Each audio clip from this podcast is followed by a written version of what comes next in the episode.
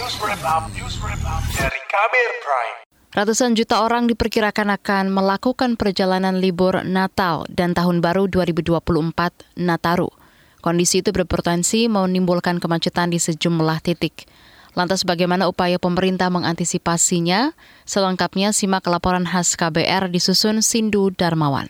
Kementerian Perhubungan memprediksi akan terjadi lonjakan volume kendaraan pribadi roda 4 dan roda 2 saat libur Natal dan Tahun Baru 2024 Nataru.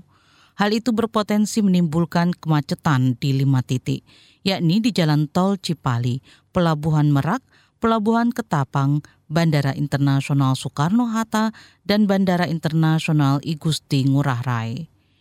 Kemenhub memperkirakan ada 107 juta orang akan melakukan perjalanan pada momen itu, meningkat 150 persen dibandingkan tahun lalu.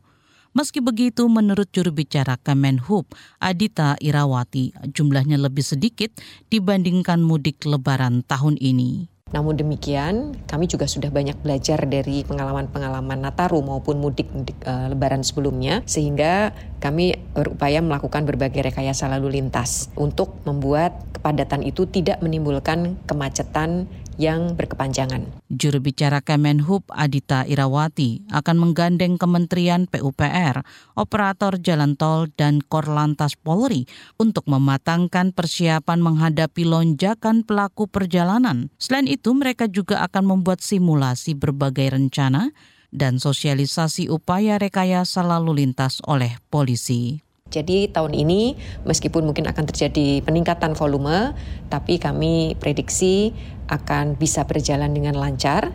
Uh, selama masyarakat juga terus mengikuti perkembangan dari situasi jalan. Kemenhub memperkirakan 35 persen pemudik akan menggunakan mobil pribadi, 18 persen menggunakan motor, 13 persen menggunakan kereta api, pesawat 12 persen, dan kapal penyeberangan 6 persen. Kemenhub akan menambah pengoperasian pelabuhan dan kapal penyeberangan untuk mengantisipasi kemacetan. Sementara itu, kepolisian mengerahkan 130 ribuan personil di seluruh Indonesia untuk operasi lilin 2023.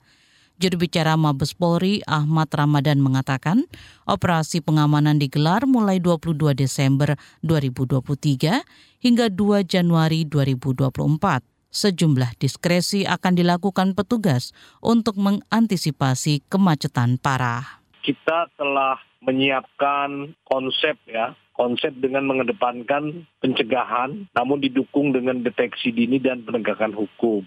Nah, upaya yang dilakukan salah satunya ya memang kita akan menyiapkan rekayasa lalu lintas ya, mulai kontraflow, one way dan lain-lain. Tentu ini disesuaikan dengan dengan situasi nanti. Juru bicara Mabes Polri Ahmad Ramadan mengklaim telah menyiapkan lebih dari 100 ribu pos pengamanan, pos pelayanan, dan pos terpadu di seluruh Indonesia.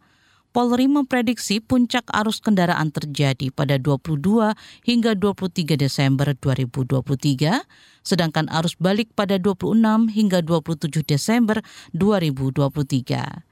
Di pihak lain, PT Jasa Marga membuka tiga titik ruas tol bersifat fungsional semasa libur Nataru guna kelancaran arus lalu lintas, yakni tol Serpong Cinere, ruas tol Jakarta Cikampek 2 Selatan, dan tol Yogyakarta Solo, ruas Kartasura ke Karanganom. Melihat kondisi tersebut, sebagian kalangan parlemen mendorong pemerintah mengantisipasi kemacetan dan memastikan keamanan saat libur Nataru. Anggota DPR dari fraksi Golkar, Dev Laksono mengatakan, antisipasi kemacetan harus melibatkan semua pihak.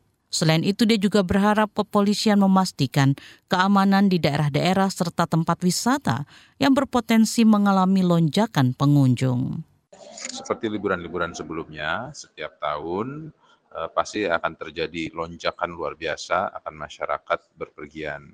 Maka itu pemerintah harus eh, menyiapkan eh, baik itu apakah itu strategi ataupun itu juga titik-titik dan juga tim untuk memastikan bahwa setiap masyarakat yang berpergian mereka mendapatkan pelayanan yang baik dan juga mendapatkan perlindungan langkah mereka berjalan berpergian. Hasil analisis pengamat transportasi dari Institut Teknologi Bandung ITB, Sony Sulaksono, Kemacetan saat Nataru pasti terjadi, namun perlu dikendalikan kemarin itu catatan dari jalan tol itu akan ada peningkatan di tempat-tempat wisata seperti di Jogja, Surabaya, Malang, di Batu, dan juga di Bandung ya. Juga sudah ada catatan peningkatan pertumbuhan penumpang ya, baik yang kereta api maupun yang melalui jalan tol. Ya, kemudian juga tempat-tempat wisata di Sumatera. Jadi kemacetan selain kemacetan-kemacetan yang rutin seperti halnya mudik dan liburan panjang, juga kemacetan-kemacetan yang terjadi di tempat-tempat wisata. Demikian laporan khas KBR. Saya Fitri Anggreni. Kamu baru saja mendengarkan news wrap up dari Kabel Prime. Dengarkan terus kabelprime.id, podcast for curious mind.